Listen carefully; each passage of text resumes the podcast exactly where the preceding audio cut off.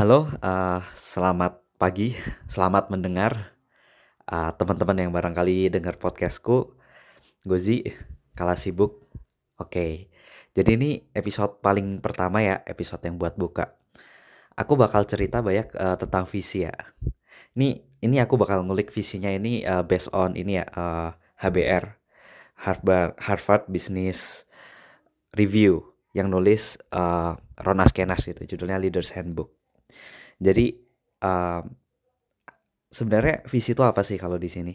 Jadi visi itu sesuatu yang nggambar ya, nggambar kayak, eee, kita nggambar sesuatu cita-cita gitu, nggambar suatu gambaran gitu kan. Jadi kalau di di bukunya sendiri sih definisi visi itu adalah, eee, hal yang aspirasi ya, yang mencakup aspirasi kita gitu, kayak kita tuh sebenarnya mau apa sih gitu kan. Terus kita gambarkan itu ke gambaran yang simply dan clear gitu. Jadi kita bisa bayangin dengan baik gitu kan. Sebenarnya apa yang sih yang mau kita dapat gitu kan. Nah, eee, aku bakal cerita di sini mungkin karena ini kala sibuk. Sebenarnya di bukunya ini bahas visi secara, mmm, organizational wise ya, jadi kebijaksanaan organisasi. Cuman karena kala sibuk ini tujuannya adalah, eee, pengembangan diri, jadi aku bakal bahas tentang gimana tadi visi yang di HBR tuh bisa diambil ke diri sendiri. Jadi teman-teman mungkin, eee, kita bisa pakai konsep visi tadi ya. Visi itu sebuah aspirasi kita gitu. Apa sih sebenarnya yang mau kita capai gitu? Kayak, eee, suara hati kita ya. Nah, tapi suara hati itu nggak cukup teman-teman. Misalkan teman-teman mau dapat sesuatu, jangan jadikan cuman suara hati gitu. Terus apa, harus ditulis, harus dibuat proposal? Ya nggak juga. Maksudnya adalah, eee, dibuat ini, dibuat dia sifatnya kayak visi tadi. Harus simply, clear, engaging, emosional, dan bold gitu. Jadi merupakan gambar yang simple dan clear dan bold ya, dan tegas, dan sifatnya mengajak gitu. Jadi misalkan gini nih, aku dulu pingin masuk ITB gitu kan. Ya aku gambarin di kepalaku gitu kan, masuk ITB gitu.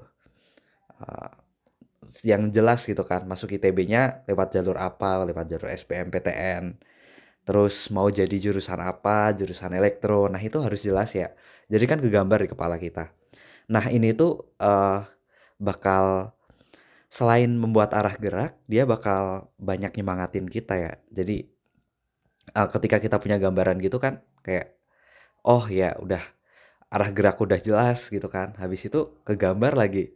Nah itu kan jadi bagus gitu kan. Terus habis itu engage gitu. Misalkan kita bayangin apa sih ke ke eee, apa namanya, keuntungannya di Bandung misalkan. Kalau aku dulu ke ITB misalkan, apa sih keuntungan yang ada di Bandung gitu. Mungkin uang sakunya naik ya kalau kalau aku pribadi gitu. Soalnya uang sakuku dihitung, eee, seberapanya UMR gitu kan. Nah, ya itu salah satunya itu mungkin motivasi. Kedua ya, eee, kalau dulu sih bayangin alumninya, alumni di ITB. Jadi, ya gitu bisa jadi kita ada gambaran yang mengajak gitu kan. Terus akhirnya kita pingin gitu, pingin untuk mewujudkan hal itu gitu. Nah, eee, ya kita bisa kita bisa terapin ini sih. Kalau aku sendiri soalnya nerapin ya, banyak banyak hal-hal yang aku mulai dari visi gitu. Misalkan ini ini ada kisah menarik lagi sih ini. Ini benar-benar yang ngegugah aku kekuatan visi gitu dalam, eee, kelompok gitu kan. Aku dulu SMA angkatan pertama gitu. Bayangin aja angkatan pertama kayak apa ya, listrik susah, air susah gitu kan. Jadi sekolah yang masih susah banget lah. Tapi dan belum ada alumni kan ya, bayangin aja angkatan pertama belum ada alumni, kita belum ada channel. Tapi kita pingin gitu, aku sama aku punya temen SMP gitu kan, pingin ngebuat ini ya, eee, acara eksternal. Kan nggak ada acara eksternal tuh angkatan pertama. Nah, aku sama temanku ini coba buat, ak apa, acara angkatan eksternal ya. Terus ya ya masih banyak banget halangan lah, eee, guru nggak mendukung, organisasi-organisasi siswa pas itu juga kayak belum sreg lah ya. Nah tapi tapi berani nekat nih, berani nekat. Jadi kayak, eee, aku sama teman-teman nih, aku ajak satu yang temen tadi, terus 2 orang lagi, kita list 60 orang yang kira-kira mampu gitu kan. Yang kira-kira mampu untuk ngebuat suatu panitia, ya udah habis itu habis di list langsung kita panggil gitu pakai speaker masjid gitu kan. Terus ya udah kita langsung jelasin di situ. Nah yang menarik di sini aku pas itu uh, ini ya jadi ngasih gambaran gitu. Teman-teman kita bakal mulai sesuatu yang nanti sampai angkatan 100 pun sampai angkatan nanti-nanti tetap kita yang pertama ngelakuinnya gitu kan di sekolah ini. Kita mau bakal buat acara gitu. Kita bakal buat acara eksternal pertama yang kalian bakal menjadi se seorang perintis gitu. Kalian bakal ngebuat sejarah gitu kan. Nah mungkin ini tanpa sadar sama teman-teman sering aku gaungin gitu kan ya. Wih ini teman-teman lagi kecapean kerja gitu kan. Lagi motong-motong apa gitu capek gitu kan. Terus ada orang yang demot-demot gitu ya ya aku semangatin pakai cara itu gitu kan.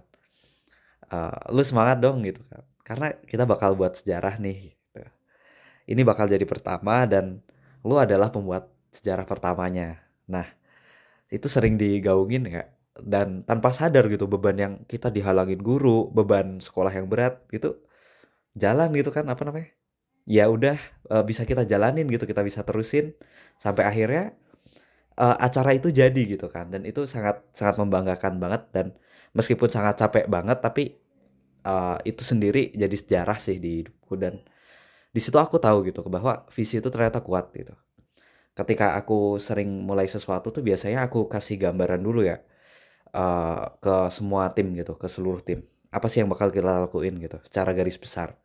Karena bagiku kayak uh, barangkali kalau di kalian teman-teman di uh, tempat yang sibuk gitu kan di di institusi yang sibuk gitu tugas bakal lebih cepat kalau di breakdown ya di breakdown kalau misalkan gambaran ngebuat pesawat nih.